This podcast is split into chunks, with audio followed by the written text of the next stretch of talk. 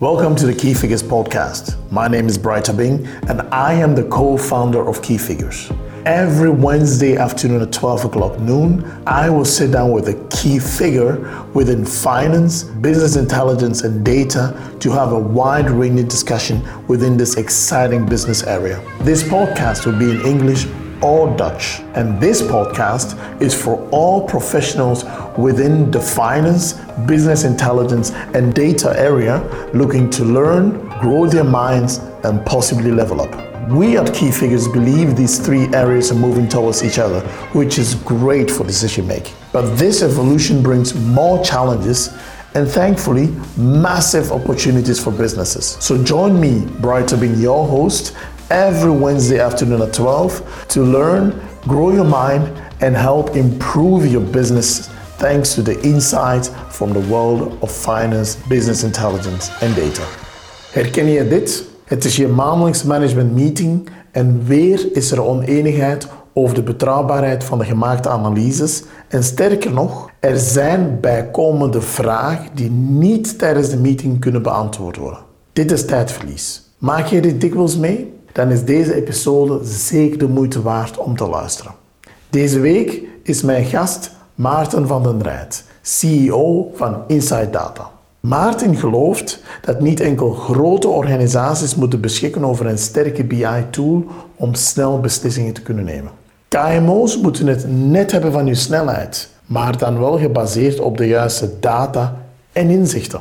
Maarten lijkt de ideale combinatie tussen IT en business te hebben, waardoor hij zijn materie bijzonder goed beheerst. Of het nu gaat over een sterke tool om sales te ondersteunen en meer effectiviteit te realiseren, of een scherpe verklarende analyse volledig geautomatiseerd. Het zijn stuk voor stuk tools die sterk groeiende KMO's nodig hebben om winstgevend te kunnen groeien. Deze leerrijke episode is interessant voor leidinggevenden binnen een sterk groeiende KMO die ook snel en juist willen schakelen.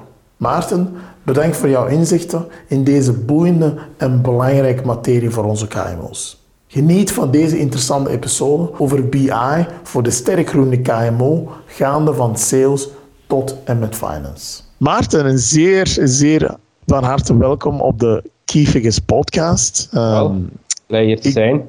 Wow, fantastisch. Maarten, je, je bent met iets bezig dat, uh, ja, dat mij enorm uh, nauw aan het hart ligt als uh, ex-business controller.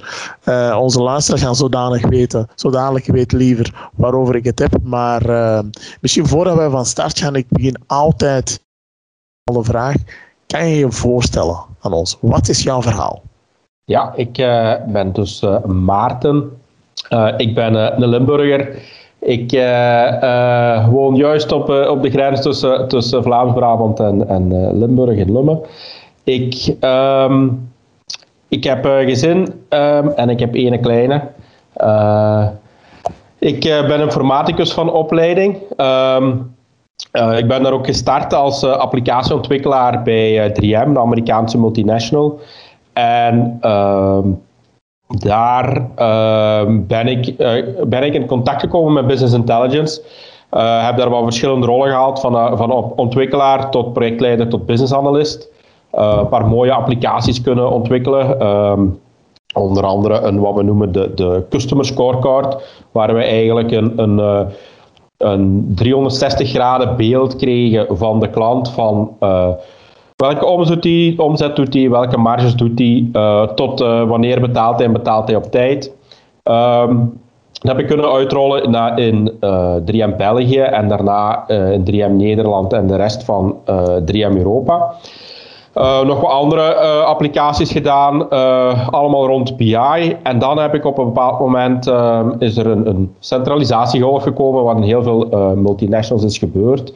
Waardoor ik eigenlijk um, um, meer van een, van een implementatierol naar een, een, een, een, hoe moet ik het zeggen, uitvoerende rol ben gegaan, waar, uh, waar we eigenlijk gewoon uh, uit moesten voeren van wat uit de US eh, ons werd opgedragen. Daar kon ik me niet zo goed in vinden en heb ik gezegd van ik wil iets anders doen. Ik heb ook gemeld aan 3M um, en toen had 3M mij het voorstel gedaan om, om in sales te gaan. Dan heb ik twee jaar ehm, sales gedaan in gestructureerde bekabeling, dus het verkopen van glasvezel en koperbekabeling, voor, vooral voor kantoorgebouwen. Um, heb ik twee jaar gedaan. Uh, heel, heel, heel, heel leerrijk geweest. Ook in een redelijk moeilijke markt waar ik eigenlijk naar eindklanten moest gaan, maar nooit rechtstreeks verkocht aan een eindklanten. Waar we met distributeurs waren die meerdere merken verkochten. Ah, wel, heel, heel uitdagende, uitdagende situatie. Heb ik heel veel mee bijgeleerd. Maar dat was toch ook echt niet mijn, mijn eh, ding waar ik ehm, zeg van hier wil ik nu effectief mee verder gaan. En dan ben ik terug begonnen bij 3M als uh, business analyst, maar dan meer aan de kant van IT, maar aan de kant van de business. En die applicaties die ik eigenlijk vroeger zelf schreef, ben ik toen zelf beginnen te gebruiken om eigenlijk advies te geven aan de business. Ehm, rond ehm, financiële topics van moeten we hierin investeren, tot, tot aan, tot aan bij welke klanten moeten onze vertegenwoordigers nu gaan bezoeken. Hoe moet onze prijszetting gebeuren? Dus eigenlijk een heel breed gamma van data-analyse die ik deed voor, voor, voor mijn interne klanten eigenlijk. dat heb ik een tijdje gedaan. En dan ben ik gecontacteerd geweest door een ex-collega van mij. Die werkte bij Kimberly Clark. Um, en die zei, ja kijk, we zitten hier iedere maand als vergadering is, komt iedereen af met zijn eigen Excel-files. We hebben eerst een uur discussie over welke cijfers zijn nu het juist. Met 3M was dat toch niet. Kunnen, we dat niet um, kunnen we dat niet laten werken zoals bij 3M? En dat vond ik een heel mooie, mooie uitdaging. En dan hebben we eigenlijk een BI-oplossing geïmplementeerd voor de IMIA-organisatie, Europa, Midden-Oosten en Afrika. en dan had ik een 150-tal gebruikers op, op een BI-platform. En na vier jaar waren de grote uitdagingen eigenlijk ook weg. En heb ik gezegd, ik ga naar consultancy gaan.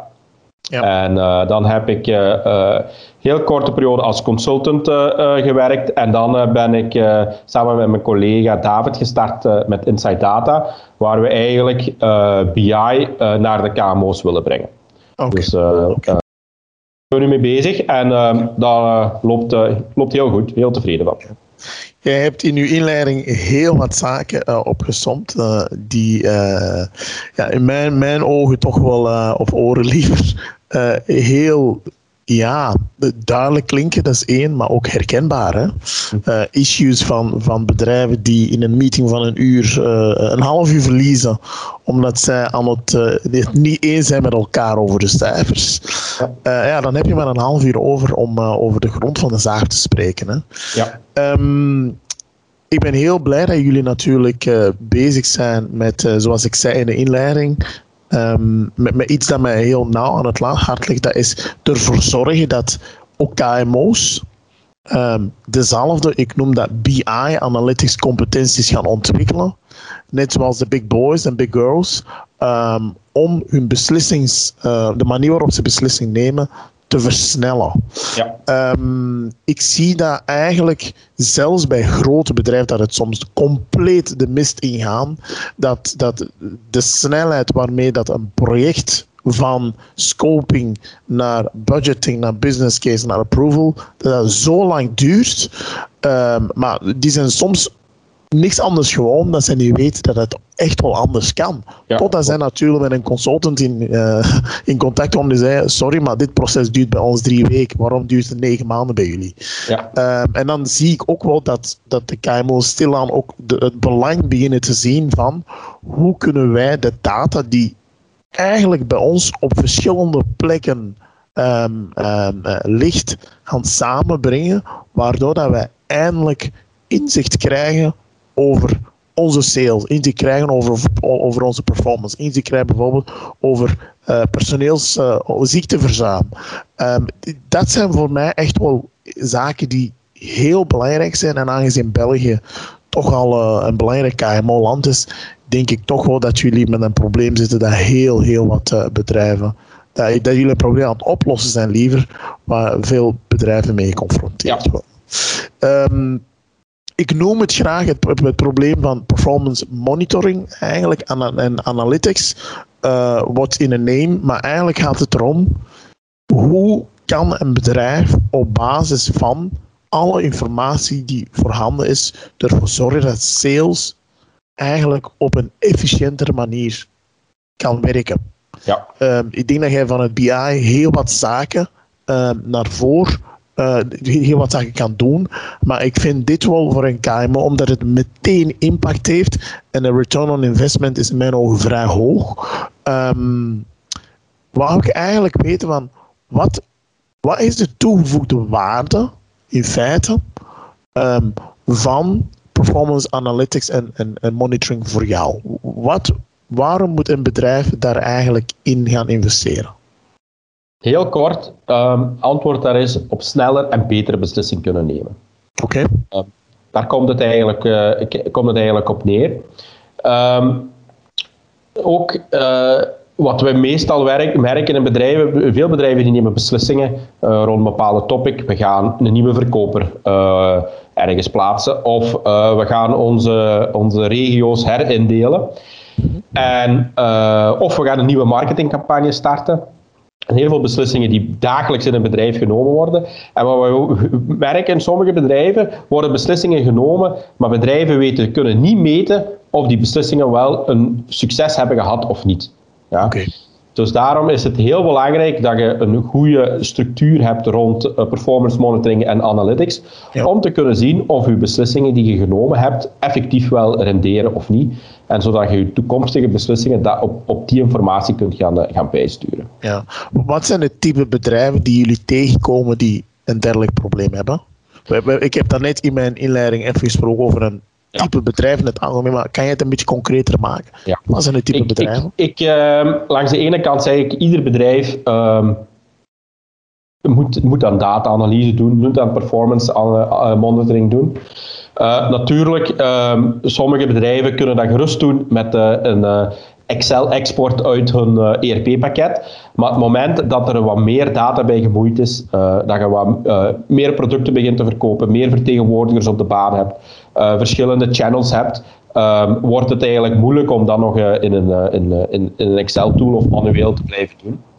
Okay. Um, um, en wat we ook merken is zijn bedrijven die hard willen groeien, die snel willen groeien, dat die veel opener staan om eigenlijk aan data-analyse te gaan doen dan bedrijven die zeggen, ja, voor ons is het oké, okay, zoals we nu werken. Maar ja, langs de andere kant uh, moet je ook dan kijken, dat zijn bedrijven die, uh, die als je niet vooruit gaat, die ook stilletjes achteruit gaan gaan. Dus ja, um, voor mij, het moment dat je voldoende data bezit, uh, een ERP-pakket hebt, kun je aan data-analyse en, en performance monitoring gaan doen.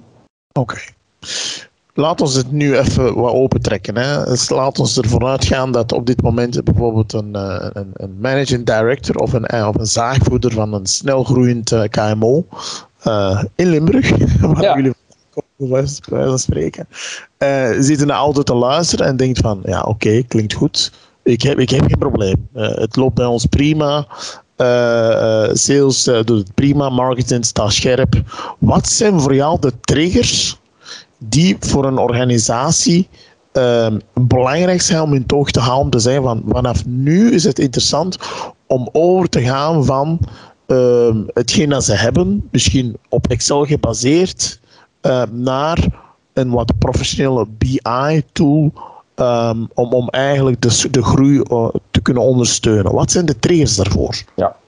Een van die triggers die, die wij altijd ehm, proberen te identificeren, zijn er vergaderingen waar er uh, gediscussieerd wordt over de data. Eén, uh, worden er vragen gesteld of de data wel juist is, zoals we in het begin hebben aangehaald. Dat is één. Maar tijdens die vergadering merken we ook dat er heel veel uh, nieuwe vragen worden gesteld. Dus komt een, uh, komt een probleem, of ze willen een bepaald probleem oplossen of een beslissing nemen. En ze willen zich baseren op, op gegevens. En, die, en er wordt een vraag gesteld, ja, hoe zit dat juist in? En niemand in die vergadering kan daarop antwoorden. Ja. Er moet iemand na de vergadering terug aan de slag gaan om al de data te verzamelen en te consolideren, om eigenlijk een antwoord te geven op die vraag. Als je in die situatie zit, dan verliest je eigenlijk kostbare tijd. Ja? En daarom proberen wij altijd uh, tools te introduceren, waardoor dat je eigenlijk on the spot die vragen kunt gaan beantwoorden die je op dat moment stelt. Ook al weet je op voorhand niet wat die vragen gaan zijn, ehm, als je de tooling hebt om, om die, die vragen te kunnen, te kunnen antwoorden on the spot, um, denk ik dat je, dat je echt wat sneller en betere beslissingen kunt gaan nemen. Een ander topic, um, uh, wat we ook merken is als bedrijven beslissingen beginnen te nemen op basis van gevoel. Ja? Zeggen, ik heb het gevoel dat uh, ik naar, vertegenwoordiger dat ik naar die klanten moet gaan. Als je dat gevoel niet kunt onderbouwen met analyses en cijfers, um, ja, dan vraag, kun je eigenlijk afvragen, ja, is mijn gevoel wel, wel, uh, wel uh, correct? Ik heb ooit uh, een situatie gehad waar, um, waar we een, een goede CRM-implementatie hadden, waar um, vertegenwoordigers op zoek moesten gaan naar nieuwe deals. En daar stond een, een optie eigenlijk in, als je een deal verloren had, om uh, te zeggen waarom dat je die verloren had. Ja. dat werd redelijk goed ingevuld, goed opgevolgd. En uh, een van die opties die daarin stond was: mijn uh, prijs is te hoog. Ja, ik heb de deal verloren omdat ik te, te, mijn, mijn prijsing te hoog was. Um, de vraag is op dat moment, ja, die vertegenwoordiger zegt, ja, ik kan, ik kan niet groeien, omdat de prijzen zijn veel te hoog. En dan zijn we eigenlijk eens gaan analyseren van, oké, um, hoe zit dat nu in de realiteit? Hoeveel deals hebben we eigenlijk verloren uh, in dat prijsing te hoog was? Um, hoeveel, hoeveel verschillende vertegenwoordigers vullen dat in? Hoeveel was het verschil tussen die, die vertegenwoordigers die uh, een andere reden of, of uh, ingeven waarom ze een project of een opportuniteit verloren hebben? En daar zagen we, één, effectief dat het maar een klein deel was van de projecten die, ze, die, die de vertegenwoordiger verloren had omdat de, de prijzing te hoog is, maar dat eigenlijk ook bij ook bij die vertegenwoordiger, het aandeel van verloren projecten waar de prijs te hoog was, dat zij dat zelf eigenlijk um, veel meer ingaf. Dus het volume bij haar was veel groter. En daardoor um, zijn wij tot de conclusie gekomen dat eigenlijk zij niet meer en meer op prijs begon te uh, in plaats van op value. En daardoor hebben we, hebben we de vertegenwoordiger kunnen coachen en zeggen: oké, in plaats van op prijs uh, offertes te maken en, en deals proberen binnen te halen, uh, proberen offertes en deals beginnen binnenhalen op, uh, op, uh, op extra waarde die het binnen het bedrijf of bij uw klant kan, kan brengen. Ja, ja duidelijk. duidelijk. Ja. Ik wil misschien even heel kort terugkomen op, op hetgeen dat je zei van kijk, als tweede trigger uh, als beslissingen op gevoel worden genomen, dan, dan, dan moeten we beginnen nadenken of er geen ja. betere manier is. Uh, ik wil daar een klein beetje pushback op teruggeven. Ja. Uh, niet dat ik hetgeen dat jullie doen uiteraard niet steunen, ze, ja. zijn vast. Maar ik ben wel van mening dat het gevoel van een zaakvoerder, het gevoel van een marketingdirecteur of een, of een fan, dat is altijd natuurlijk gebaseerd op iets geweest. En, Juist, klopt. En, en, en, meestal moet het systeem dienen om dat gevoel al dan niet te versterken of te, of te ontkrachten natuurlijk. Ja. En daarom is het wel heel belangrijk dat, dat er, een, er moet een systeem zijn die, die de, de pushback als het ware van kijk, wij gaan dit doen op basis daarvan, dat er een soort van kijk, wij gaan, dit is onze, onze hypothese, wij denken dat uh, wij deals aan het verliezen zijn op basis van prijs. Als er geen systeem is om te capteren hoeveel keer is dat gebeurd, bij hoeveel deels is dat geweest, in welke regio. Misschien kunnen we dan misschien gaan kijken van oké, welke andere concurrenten zijn daar? Is het effectief naar hen gegaan of is het gekozen voor een compleet andere oplossing? Ja. Uh, dan, is het een, dan heb je inderdaad wel een systematische oplossing nodig dan enkel een Excel-sheet uh, ja. die heel, jou heel basisinformatie geeft. Oké. Okay. Um, allee, we zeggen ook niet, allee, nog heel, heel kort, uh, ja. we zeggen ook niet dat de mensen geen idee of gevoel meer mogen hebben. In, of, of, maar als ze dat gevoel kunnen onderbouwen met data, dan zijn ze wel een, een, ja, een stap vooruit. Sterk, ja, nee. nee, prima. Um, hoe gaan jullie van start?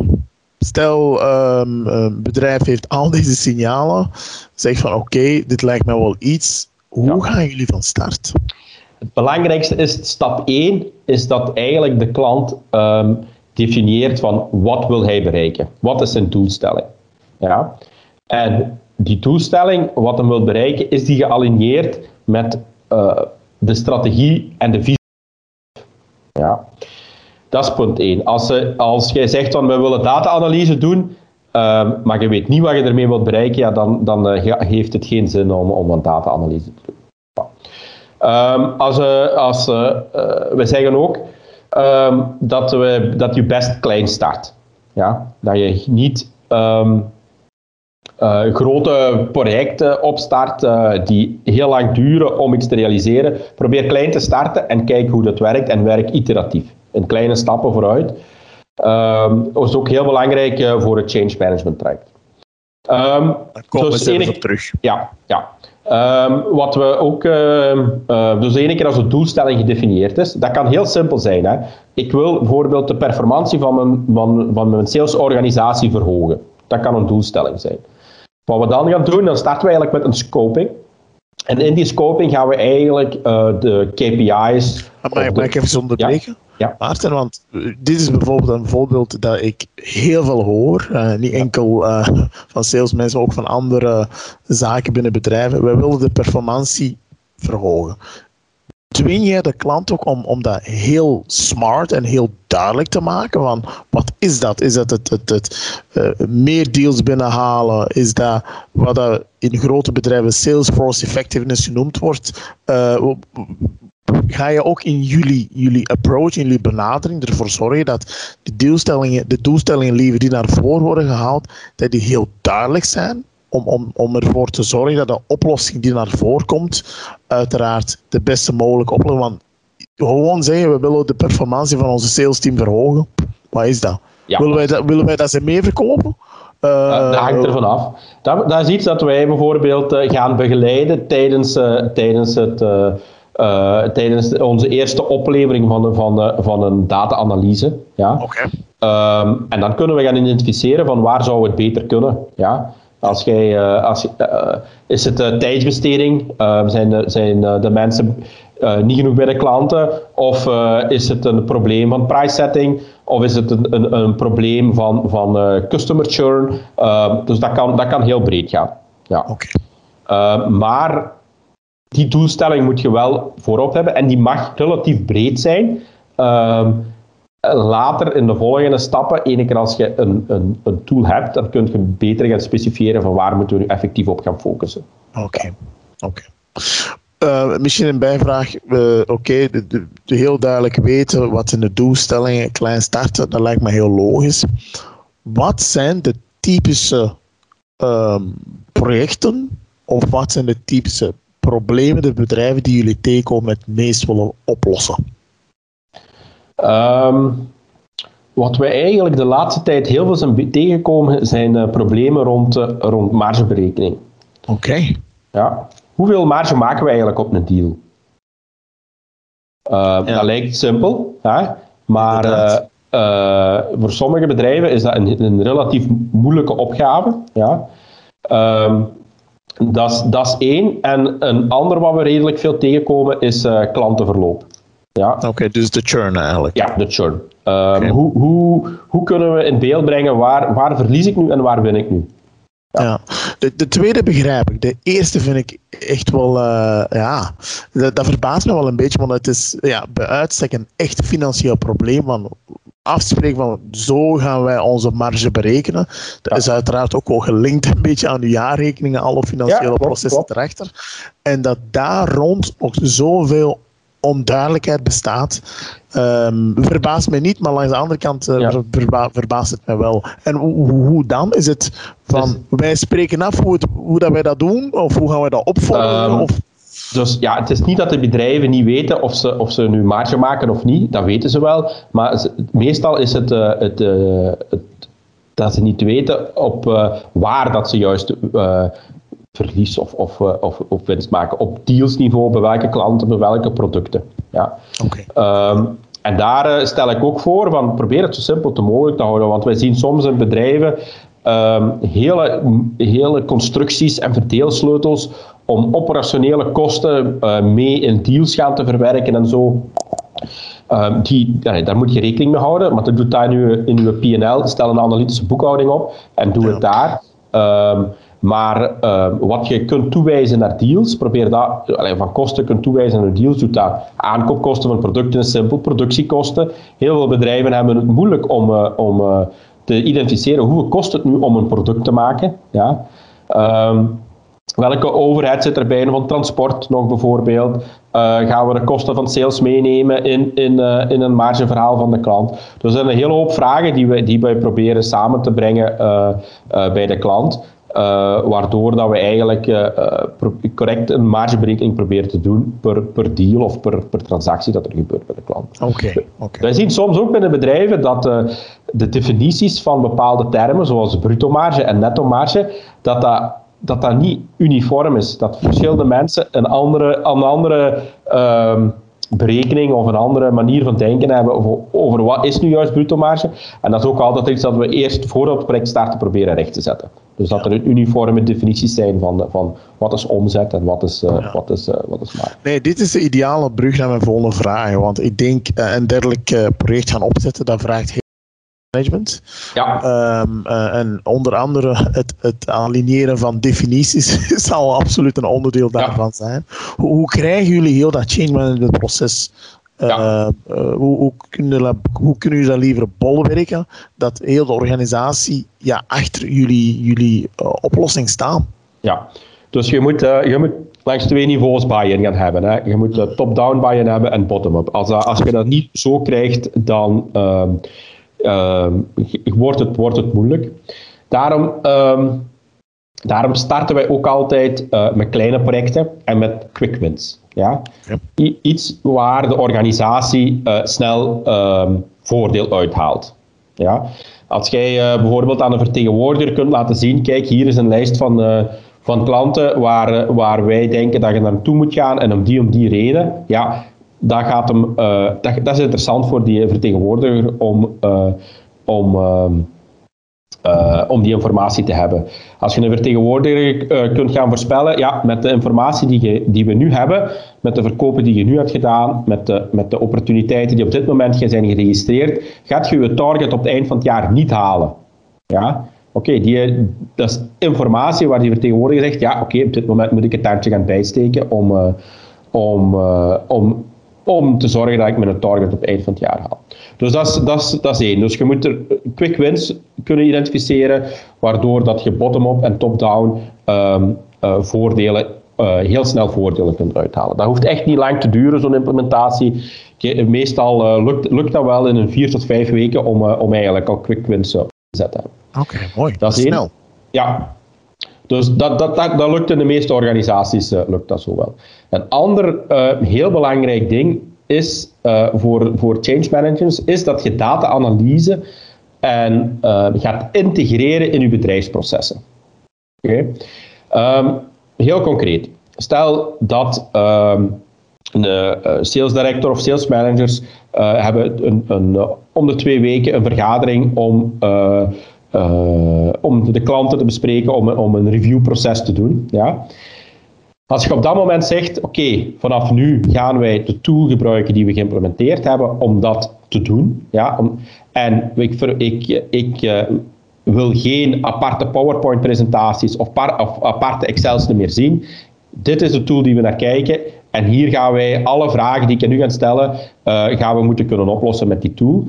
Dan heb je je data-analyse geïntegreerd in je proces en uh, gaan mensen dat ook veel sneller gaan gebruiken, omdat ze weten dat ze het uh, bij een sales manager of de sales manager zelf de tool ook wel moeten gebruiken. Dit is heel krachtig, hè? Ja. Um, zeker voor mij, omdat vanaf het moment dat je binnen een sales uh, meeting uh, verhaal. Dat je zegt van kijk, we gaan van iedereen komt zijn verhaaltje vertellen en ze beklacht doen. En, en zeggen wat dat hem allemaal niet heeft. en, en allemaal excuses waarom dat de sales targets niet haal zijn. We gaan naar als het ware één platform waar alle cijfers duidelijk zijn voor iedereen waar mogelijk de issues die, uh, uh, die er zijn, maar ook de oorzaken die nog rond liggen van de issues, ook makkelijk eruit te halen zijn, dan heb je een onwaarschijnlijk uh, tijdswinst geboekt om eigenlijk te gaan doen wat de meeting echt voor dient, dat is hoe gaan we de problemen oplossen. Ja. ja. Ehm, en dat, dat vind ik wel een heel belangrijk. En ik ben ook, ik ben ook benieuwd naar hoe de, de klanten die een dergelijke oplossing van jullie hebben geïmplementeerd, of, zij die dat, of, zij, of de klanten dat ook effectief zo ervaren hebben. Want in mijn ogen is dat heel krachtig. Ik heb ook zelf sales meetings bijgewoond waar dat er echt wel veel tijd soms verloren wordt aan um, vertrouwen bij de cijfers wel. Ja, en, en, en, en mensen zijn bezig om hun normale verhaal die zij Ja. een paar weken geleden ook verteld hebben. Dus dit vind ik wel heel belangrijk. En, en de Ja. vraag die ik dan heb is...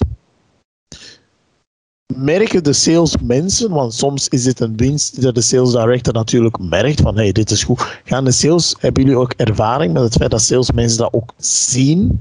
Van wow, nu zie ik alles op één plek. De issues die ik heb, zij het pricing, zij het eh, misschien producten, die te laat worden geleverd. Als er een sterk CRM-systeem erachter waar wij los sales zouden kunnen capteren, zit er ook in. Ehm, heb je ook ervaring met salesmensen die zeggen van wow, dit is echt, dit is echt wel next step voor mij. Nu Ja. zie ik veel meer. Ja, je hebt daar natuurlijk eh, ook twee, ehm, twee niveaus in. Eh, Je hebt, eh, eh, nou, hoe mag ik het zeggen, de klassieke sales eh, ehm, persoon die soms niet IT-savvy is, die alles nog bijhoudt in zijn eh, papieren agenda. Ehm, die gaat daar in het begin wat moeilijker mee hebben. Eh, en dan heb je andere salesmensen die, ja, die, die, eh, die ieder, ieder ding dat ze doen registreren op een, op een PC, die, die geen, zelfs geen geschreven notities meer bijhouden, die zijn daar natuurlijk sneller mee weg en die gaan daar ook sneller het voordeel in zien. Maar dat wil niet zeggen dat je die mensen die niet zo IT-savvy zijn, eh, moet achterlaten. Ja? Die beschikken meestal over enorme kennis van, van, van producten en eh, eh, en relaties. ehm, maar die kun je ook meekrijgen. En daarom zetten wij altijd iets op eh, dat noemt Guided Analytics. Ja? Waar we het eigenlijk ehm, zo simpel mogelijk proberen te maken om voor die vertegenwoordiger of de andere gebruiker, om eigenlijk zijn data-analyse te doen. En wat bedoelen we met Guided Analytics? Ehm, het enige wat die gebruiker moet doen is inloggen op zijn computer en die ziet onmiddellijk alleen zijn cijfers en de cijfers die hij moet zien in zijn dagelijks proces. Dus zo proberen wij toch die mensen ehm, ook mee te krijgen en eh, eh, moet het eigenlijk allemaal niet zo heel, heel eh, complex zijn. En dat is een leerproces. Hè. Ehm, iemand die, die, ja, over tijd gaan die mensen meer en meer die applicatie beginnen te gebruiken. Maar het is heel belangrijk, nogmaals, dat die dingen geïntegreerd worden in het, in het Tuurlijk. proces van de klant. 100%. Nee, dat is duidelijk. Ehm, kijk, het loopt niet altijd eh, vlekkeloos. Hè? Ja. En, en, en ik denk dat je meer dan genoeg ervaring om aan te geven. Waar loopt het mis in een, in een dergelijke implementatie? Ehm, waar, het, eh, waar wij zien dat het misloopt, dat zijn bedrijven die puur kiezen voor een technologische oplossing. Oké. Ja. Als je zegt van eh, we hebben hier alleen technologie nodig om, eh, om dat probleem op te lossen, zien we eigenlijk dat het daar, dat het daar eigenlijk misloopt. Ehm, En waarom is dat? omdat eh, ehm, er eigenlijk ehm, niet wordt nagedacht over wat zijn de doelstellingen dat we proberen te bereiken, zoals we eerder hebben gezegd. Ehm, er zit ook geen meestal geen strategie achter van hoe data-analyses eh, beschikbaar te stellen voor de gebruikers. Ehm, dus het is belangrijk dat je, dat je ook. eh, ehm, wat we zien is dat meestal bij die puur technologische oplossing is er iemand die een bepaalde data-analyse wilt zien, een bepaalde vraag heeft, en dan wordt die vraag eigenlijk opgelost. Hè, daar wordt dan iets voor geïmplementeerd om die vraag op te lossen. Maar meestal noemen, zijn dat, eh, noemen we dan rapporten. Ja? Die lossen die vraag op, maar voor de rest eh, beantwoordt het eigenlijk weinig. En daarom zeggen wij altijd dat je een dynamische data-analyse moet hebben, waardoor dat je eigenlijk continu nieuwe vragen ehm, die, je, die je tegenkomt eh, ook gaat kunnen beantwoorden. Dat noemen, dat noemen wij eigenlijk data discovery. Dus waar je eigenlijk een manier hebt, een tool hebt, waardoor dat je niet alleen eh, je vraag van dat moment kunt oplossen, maar de nieuwe vragen die je krijgt ook kunt, kunt laten beantwoorden. Ja. Ehm, dus daarom zeggen als je puur technologische oplossing eh, krijgt, dan zien wij soms eh, bedrijven een wildgroei aan, van rapporten. Ehm, en waar geen strategie achter zit, ook bijvoorbeeld waar geen definities, ehm, geen duidelijke definities zijn van wat is omzet of wat is marge bijvoorbeeld.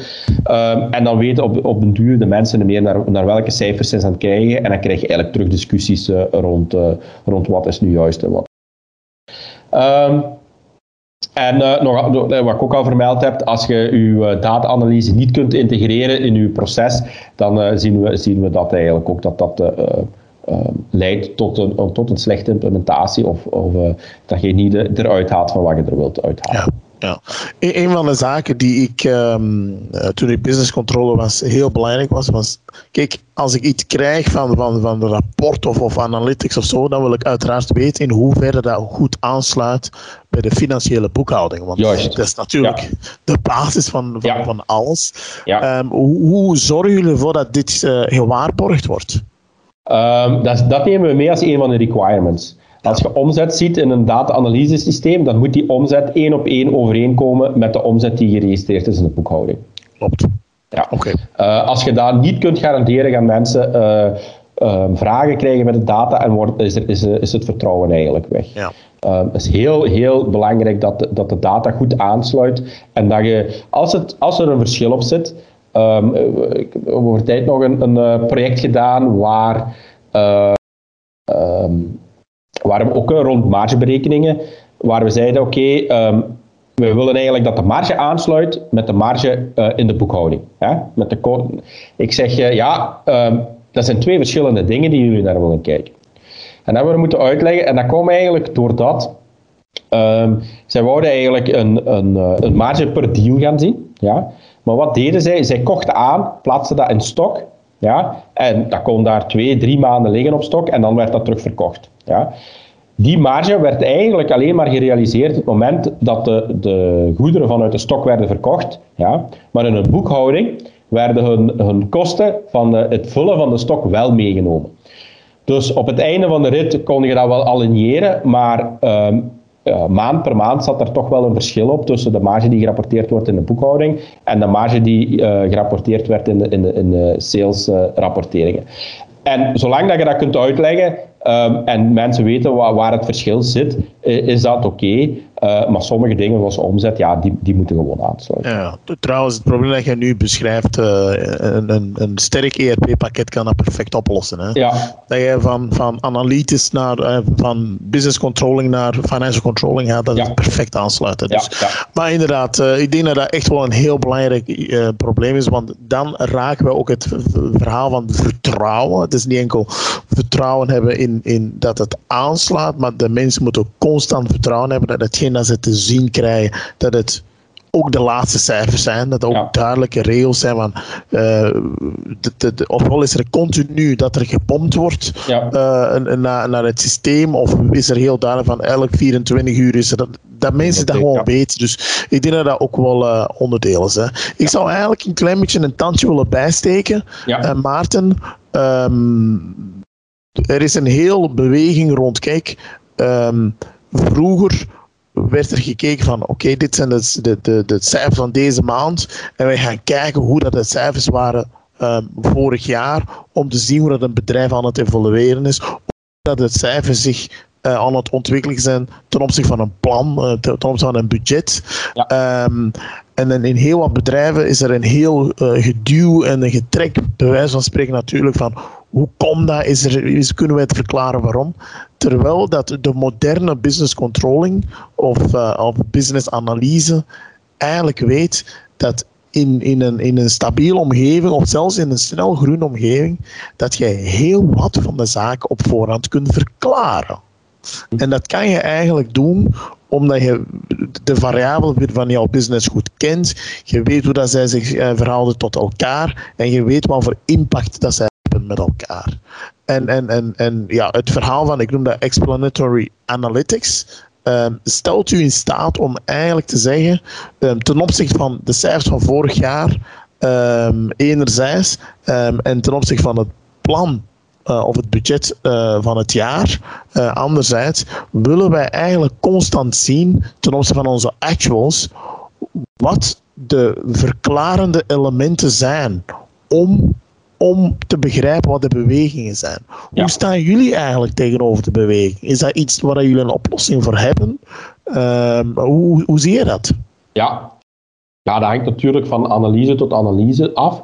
Maar um, ja, uh,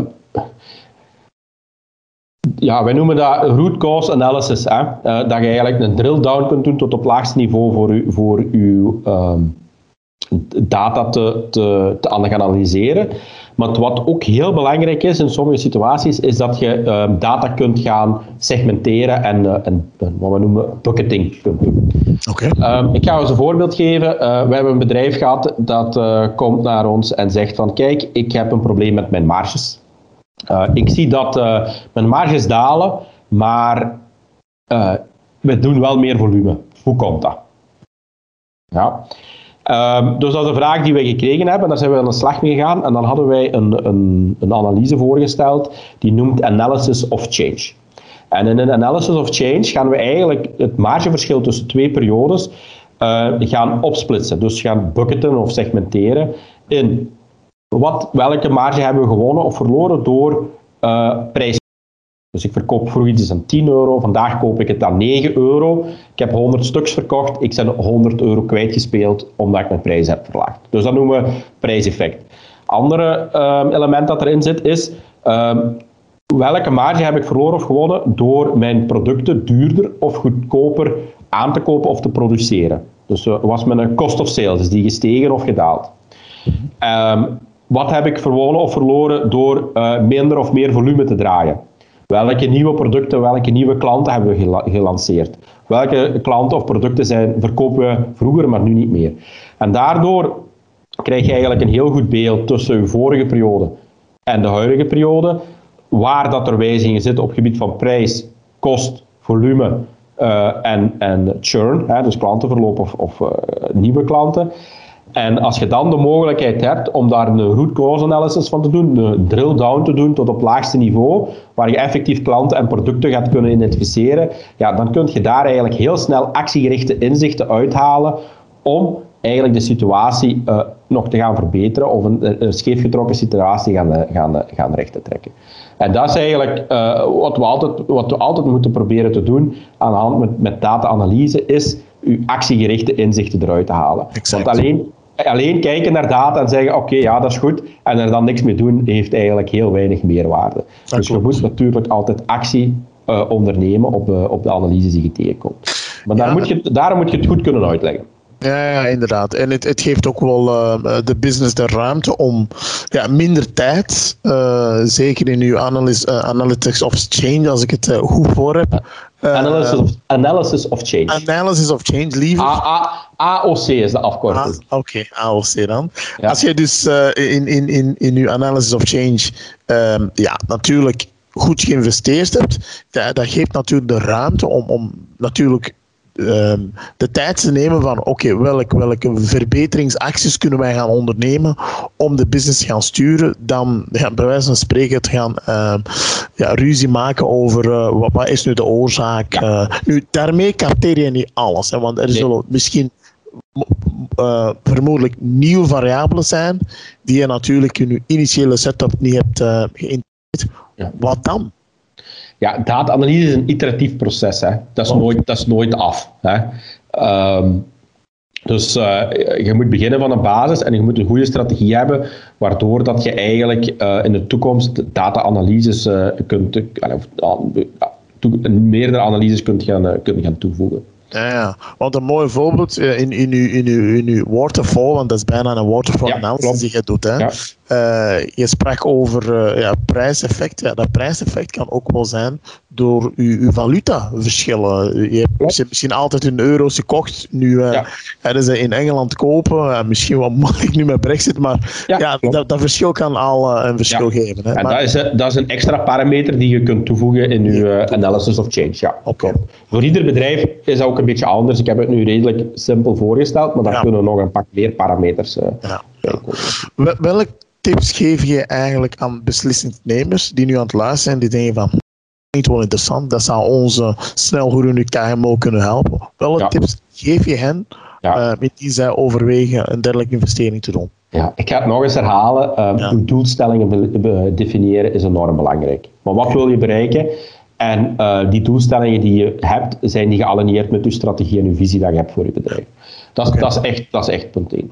En dan punt 2, um, denk ik dat het ook heel belangrijk is dat je, de, als jullie niet zelf zo'n implementatie gaan doen, of, of uh, als je het wel zelf gaat doen, dat die persoon eigenlijk uh, heel goed jullie businessprocessen begrijpt. Ja? Het is enorm belangrijk dat, uh, dat, dat degene die de implementatie doet, begrijpt waarom dat hem dit implementeert, waarom, um, welke businessprocessen dat er zijn, hoe jullie in de markt staan, wat zijn de moeilijkheden van uw markt, wat zijn uw sterke kanten, uw zwakke punten in de markt. Dus dat is heel belangrijk dat die businessprocessen goed begrijpt. Um, en dan is het natuurlijk ook belangrijk dat je, dat je een partner of iemand hebt die proactief kan meebouwen aan een oplossing. Um, meestal mensen die, die zoeken naar data-analyse of, of uh, uh, een dergelijke oplossing, ja, die hebben daar zelf niet veel ervaring in. Die hebben een ervaring uit uh, Excel bijvoorbeeld. Hè. Wat altijd wel goed is meegenomen, maar we bekijken soms ook data-analyse vanuit het Excel-perspectief. Dus zoek daar een partner in die uh, proactief kan meedenken en zeggen aan de hand van de doelstellingen, wat kan ik, uh, hoe, zou, hoe zouden wij het doen of hoe zou die partner het doen om die doelstelling te bereiken. En niet, niet um, puur een implementator die een technologische oplossing um, aanreikt, waar, waar, eigenlijk al, allee, waar je eigenlijk als bedrijf zelf de, de requirements moet voorschrijven. Oké, okay, duidelijk. Um, Maarten, ik ben bijzonder uh, dankbaar voor uw tijd, uiteraard. Ik zou eigenlijk willen eindigen met, met, met twee vragen. Um, data is overal. De naam is ook al een paar keer gevallen. Um, het begint meer en meer impact te hebben op analytics in, in, in, in, ja. In, zo breed als wij kunnen gaan. Hoe schat je de impact van data in, in, in, in uw verhaal? Uh, ja, voor ons, uh, wij, wij, wij, wij leven op data natuurlijk. Ja. Uh, dus als wij geen data hebben, kunnen we ons werk niet doen. Ja. Okay. Um, nu, um, goede data verzamelen is de eerste stap. Daar moet je eigenlijk een, een, een goed ERP-pakket voor hebben. Ja. Um, en wat we ook regelmatig tegenkomen, is dat zeggen dat de bedrijven zeggen, ja, onze data is uh, kwalitatief niet in orde. Ja. Okay. Uh, dat wordt niet te goed ingegeven, onze processen lopen niet goed uh, om die data te capteren. Um, ik zeg ja, dat is, uh, ik heb nog geen enkel bedrijf tegengekomen dat zegt onze data is perfect, dan is het nergens en nergens een fout. Dus um, dat is gewoon niet de realiteit. Maar het moment dat je er begint analyses op te doen en te rapporteren en dat die analyses en die rapporten begint integreren in je bedrijfsprocessen, dan zien we eigenlijk dat die datakwaliteit automatisch omhoog gaat. Ja? Okay. Omdat, de, om, omdat het gewoon noodzakelijk is om die analyses te kunnen doen. Dus data is enorm belangrijk um, um, binnen een bedrijf, binnen ieder bedrijf tegenwoordig. Ik denk dat er nog maar weinig uh, bedrijven zijn waar data niet, uh, niet belangrijk is. En um, datakwaliteit is een continu groeiproces. Ja. Hoe zit het met niet-financiële data die soms een voorspellend karakter zou kunnen hebben op financiële data natuurlijk. Dus uh, zeker bijvoorbeeld in marketing. Uh, ja. Er wordt nu enorm veel data en het heeft zelfs de naam Big, big Data gekregen. Ja. Ja. Hoe, zien jullie dat eigenlijk in jullie processen? Zeker als jullie met sales en marketing mensen natuurlijk projecten gaan, uh, gaan opstarten. Ja, dat gaat toch meer en meer naar voren komen, waardoor dat je toch wel in het hardcore data engineering, data science gaat terechtkomen. Worden jullie daar nu al mee geconfronteerd? Uh, ja, um, wij worden wel geconfronteerd met big data. We, hebben, we zijn nu een projectje bezig voor een, uh, waar we IoT-gegevens ook gaan ja. ter beschikbaar stellen. Um, um, in principe big data of gewone gestructureerde data, in mijn ogen is er niet zo heel veel verschil tussen. In alleen het feit dat het misschien wat meer is. Maar met de technologie van vandaag is het eigenlijk allemaal geen probleem om ook zelf die big data op een efficiënte manier te gaan, ja. Eh, gaan analyseren. Oké, dadelijk. Goed, uh, Maarten. Ik denk dat we vandaag toch wel een, een heel belangrijk punt hebben besproken. Hè. Hoe, hoe heel het salesverhaal uh, en ook, ik noem dat uh, sales monitoring en misschien sales performance monitoring ehm, ja, op, een, op een heel goede manier kunnen neerzetten in een systeem waardoor dat bedrijven snelle beslissingen kunnen nemen. Hè.